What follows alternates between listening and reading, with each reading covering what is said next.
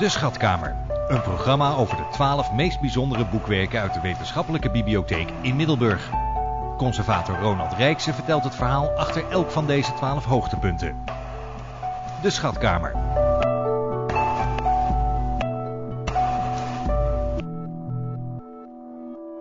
Inmiddels uh, aanbeland aan de tiende aflevering, hoogtepunten uit 150 jaar boekbezit van de Zeeuwse Bibliotheek. Uh, Ronald Rijks, je bent daar de samensteller van, de conservator en de beheerder, om het maar even zo te zeggen. Ja. Bibliophilia, drukwerk in de marge. Een vijftal boeken mag ik niet zeggen, ik moet praten over objecten, maar eerst even de, de uitleg van de term bibliophilia, drukwerk in de marge. Ja, Wat is dat in zijn algemeenheid?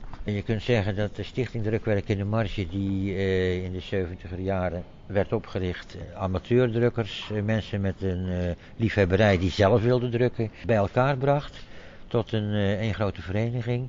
Die langzaam uitgegroeid is tot een paar honderd, uh, paar honderd mensen. Die dus thuis op hun eigen pers, uh, eigen drukpers en dergelijke. Kleine boekjes in kleine oplages maken.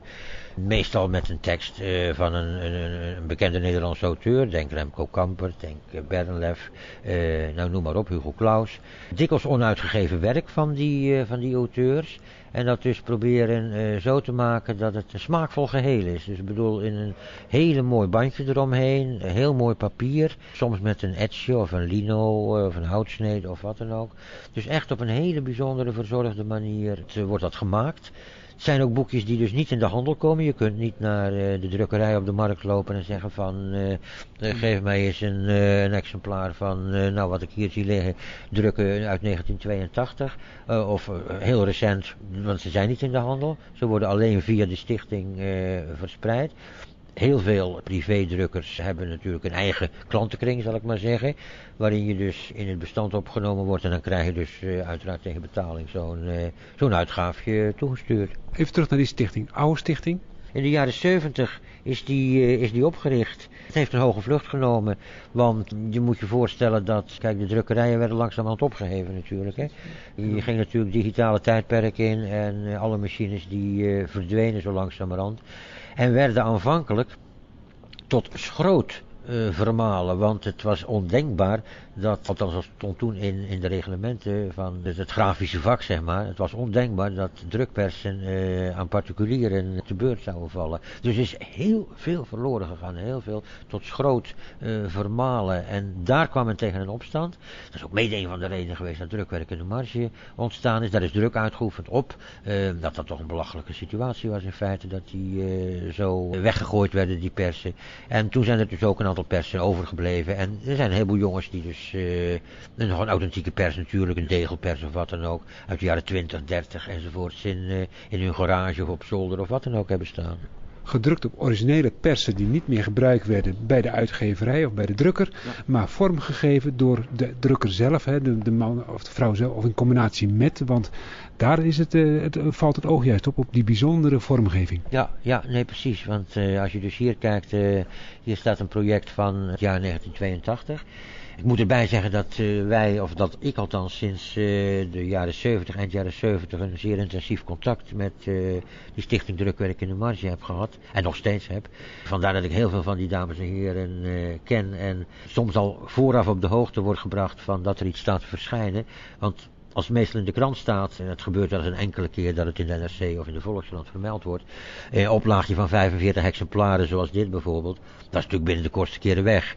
En in het begin stootte ik mijn neus ook nog wel eens, omdat ik dan te laat reageerde of te laat achterkwam dat zo'n uitgave verscheen. Dus ik heb gezegd tegen uh, heel veel van die, uh, van die jongens van uh, geef me nou van tevoren even een tipje dat er iets nieuws uitkomt.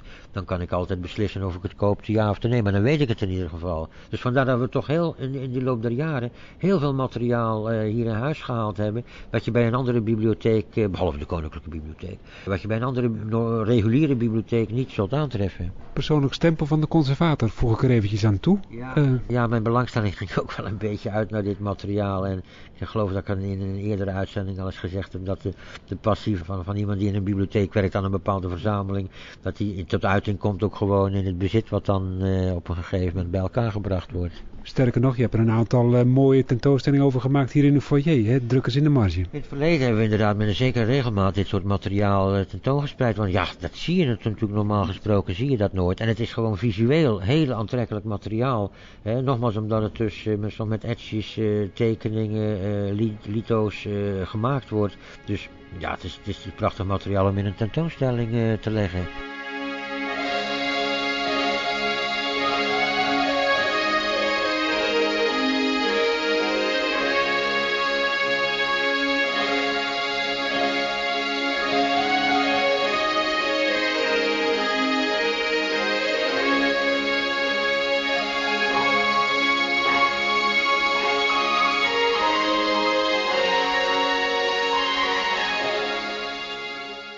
We hebben het over de oplage van 45 exemplaren, een cassette met 25 boekjes. Ja, dat is dus dat project drukken. Dat is het allereerste gezamenlijke project van uh, de drukkers van drukwerk in de marge. Die dus om de zoveel tijd gezamenlijk iets wilden maken, zeg maar. En hier hebben ze dus uh, eh, 25 boekjes bij elkaar gebracht die uh, allerlei aspecten, hè, ze hadden één thema opgegeven aan elkaar. Van, doe een aspect van het drukken en maak daar een boekje over en schrijf daar een stukje, schrijf daar een stukje bij. Goed, dat is gebeurd. En dat hebben ze dan vormgegeven in een, uh, ja, wat je dan eigenlijk kunt noemen een reisbibliotheekje. En dat zijn natuurlijk boekjes die uh, aan, in, in, een doosje zitten wat dicht kan. Waarin aan weerskanten uh, die kleine boekjes zijn opgeborgen in feite. Twaalf van elk en eentje het midden. Heb je 25. Dat is een verklarend, verklarend boekje over het project, over het project zelf, zeg maar. Nou, die boekjes, die, die hele cassette kun je dichtklappen. Daar kan nog een perspex cassette omheen. Die heb ik hier dan niet in de, in de vitrine staan, maar ik heb hem wel. En in feite zou je het zo mee kunnen nemen om op reis uh, je boekjes te lezen. Want ja, vroeger in de 17e en 18e eeuw waren er nog heel veel kleinere reisbibliotheken. Waren echt miniatuurboekjes die gewoon in, een, in cassettetjes zaten. Die kon je dus in je binnenzak steken. En als je in de postkoets uh, of op de trekschuit zat, kon je je boekje lezen bij wijze van spreken. Mooi voorbeeld in ieder geval zien we hier. In groen uitgevoerd met allerlei verschillende door de drukkers ingebonden boekjes. Gaan we eens naar de tweede. De tweede cassette ook weer. Een later project uit 1989, waarin dus 65 exemplaartjes gestoken zijn in een wat grotere cassette. En het project heet Bladspiegeling, een woordspeling, bladspiegel, maar ook spiegeling zit daarin. En het is ook, in die cassette zit een spiegel verwerkt, zodat je als je de zaak dichtklapt uh, in spiegelschrift uh, kunt lezen, wat dan weer recht naar voren komt. De titel, dus bladspiegeling, kun je in die spiegel terugvinden. Heel voor, leuk vormgegeven werk, object zeg maar. Geen bindend thema. Uh, maar de drukkers konden zich naar hartelust uitleven uh, wat, ze, wat ze wilden weergeven. En ja, dit soort cassettes zijn in feite natuurlijk een prachtige staalkaart van het uh, artistieke kunnen, technische kunnen van al die jongens die in zo'n stichting of stichting drukwerk in de marge verzameld zijn. Het is gewoon een, een, leuke variëteit, want je weet nooit wat er precies allemaal in zo'n cassette kan zitten. Dus ja, als je het eerste boekje pakt tot en met het laatste boekje, kom je steeds opnieuw voor verrassingen te staan in feite.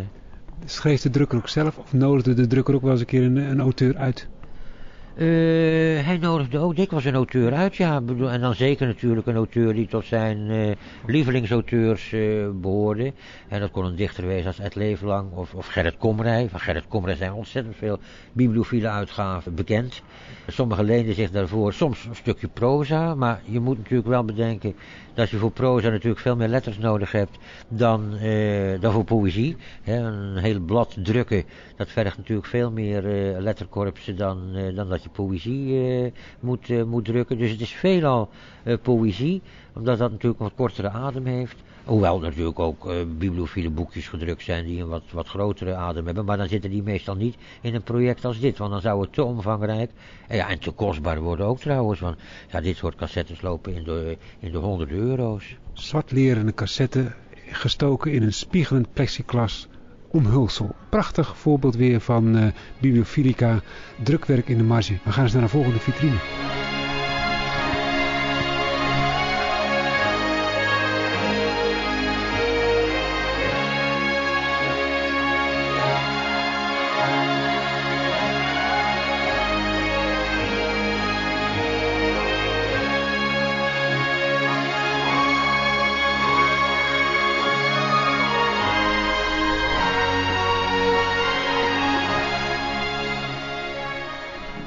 Rond 150 jaar bijzondere boeken in jouw collectie zou je kunnen zeggen van de Zeeuwse Bibliotheek.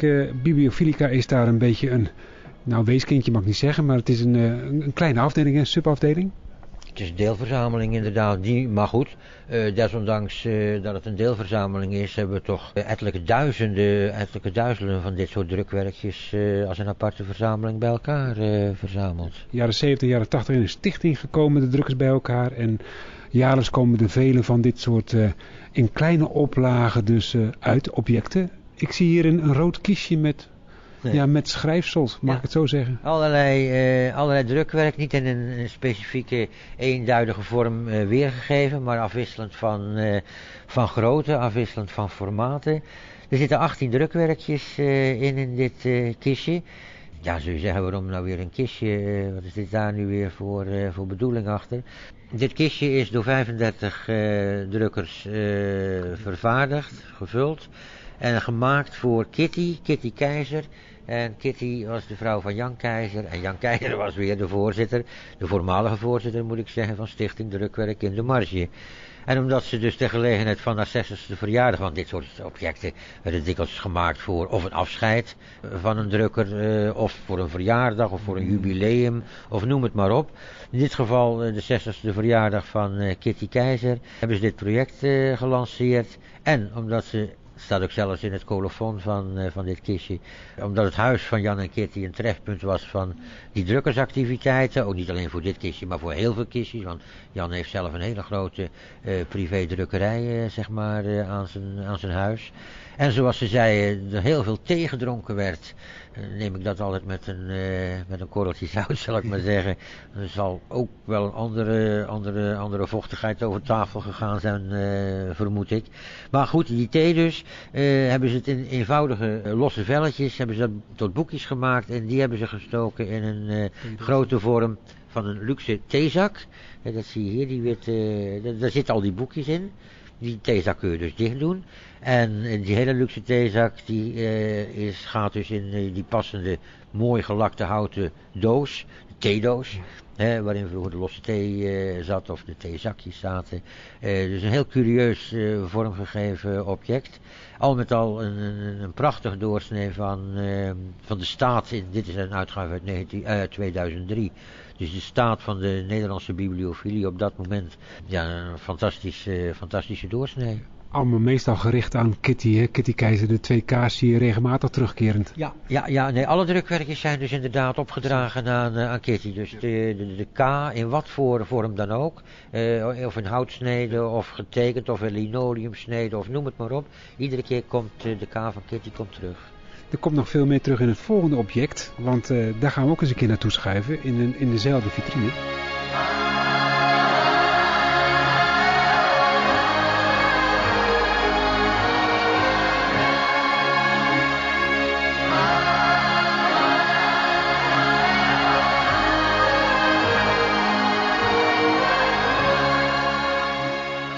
Uh, Bibliofilica, ja, weer iets wat met een verjaardag te maken heeft, maar op weer een hele andere manier, een ander vertrekpunt van, ja. uh, van, van drukken. Ja, ja, ja, dit is nog, nog, nog, nog speelser zou ik bijna zeggen. Dit is uh, een hele gekke, hele gekke pers, vind ik altijd zelf. hij noemt zichzelf pers nummer 14. ik ben er nog nooit achter gekomen waarom dat nummer 14 is, maar goed, dat doet er even niet toe. dit is voor de 40ste verjaardag van de eigenaar van deze pers. En iedereen heeft zich dus uh, beijverd om daar uh, gekkigheid mee uit te halen. Op alle mogelijke manieren zijn daar, uh, is daar drukwerk bij elkaar verzameld. Hiervoor ligt een heel verhaal over groente en, en fruit. Op inderdaad op een zakje gedrukt met afbeeldingen van worteltjes enzovoorts enzovoorts. Waarin je dus in een groentezaakje je, je groente kunt, kunt stoppen in zo'n zakje. hier ligt een recept. Een recept tegen verslappende aandacht waarin allerlei ingrediënten opgesomd worden en in de vorm zeg maar van een, van een, ja, een taartbodempje hè, waarop, waarop je een taart zou kunnen zetten. Het is ook eigenlijk een soort gebaksdoos waar alles in ligt. In het deksel van de doos daar zitten dus alle namen van de deelnemende drukkers, die uh, uh, 22 drukkers, uh, die al deze heerlijkheden hebben, hebben samengesteld. En ja, het is natuurlijk een, een, een waanzinnig gekke doos. Ik bedoel, dat, dat ook weer een prachtige staalkaart van twee, uit 2004. Uh, een oplagje van 90 exemplaren. Ja, hartstikke geinig. Plop of flop, doos ter bevordering van de 40ste verjaardag van jongeheer Ernst Boissevin uit 2004. Bijzonder in jouw collectie. Dus gaan naar het hoogtepunt. Dat is goed.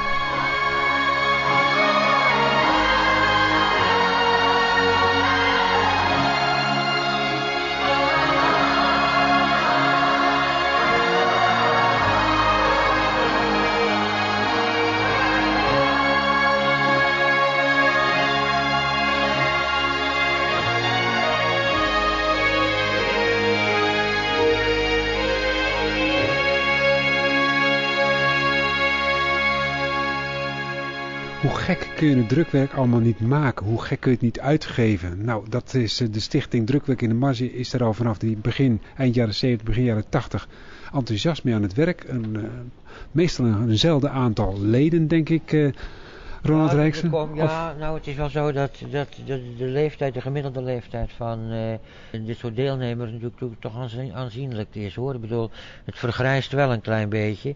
Uh, er komt wel wat nieuwe aanwas bij, maar voornamelijk is het toch een, uh, ja, je moet spelen zich af in de leeftijdsklasse tussen de 40 en de, en de 70 zal ik maar zeggen. Dat, ja.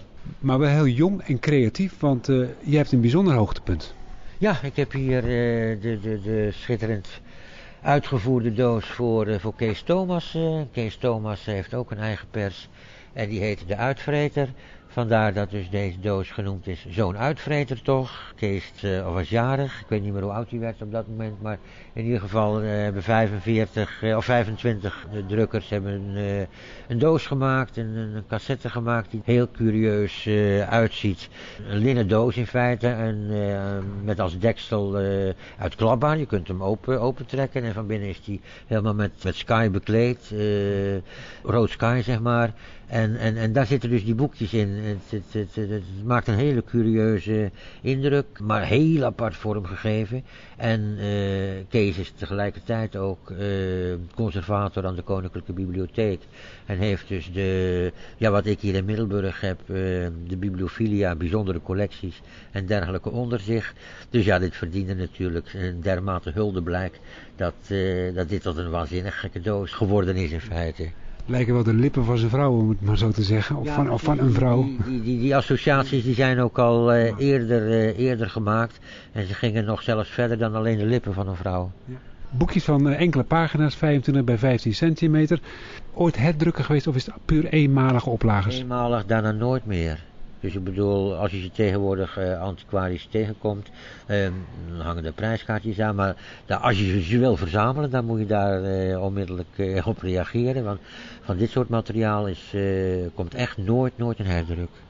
Bijzonder blijven unica, blijven unica. Blijven unica's in ieder geval. Nou, ik vind het een prachtig einde van, van deze bibliografie Drukwerk in de Marge. Ik stel voor dat we in een volgende aflevering weer naar een ander thema gaan. En Ronald, dankjewel. Tot de volgende keer.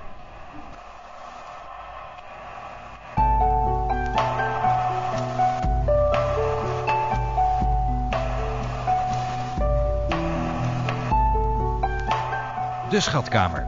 Een programma over de 12 meest bijzondere boekwerken uit de wetenschappelijke bibliotheek in Middelburg. Conservator Ronald Rijkse vertelt het verhaal achter elk van deze 12 hoogtepunten. De Schatkamer.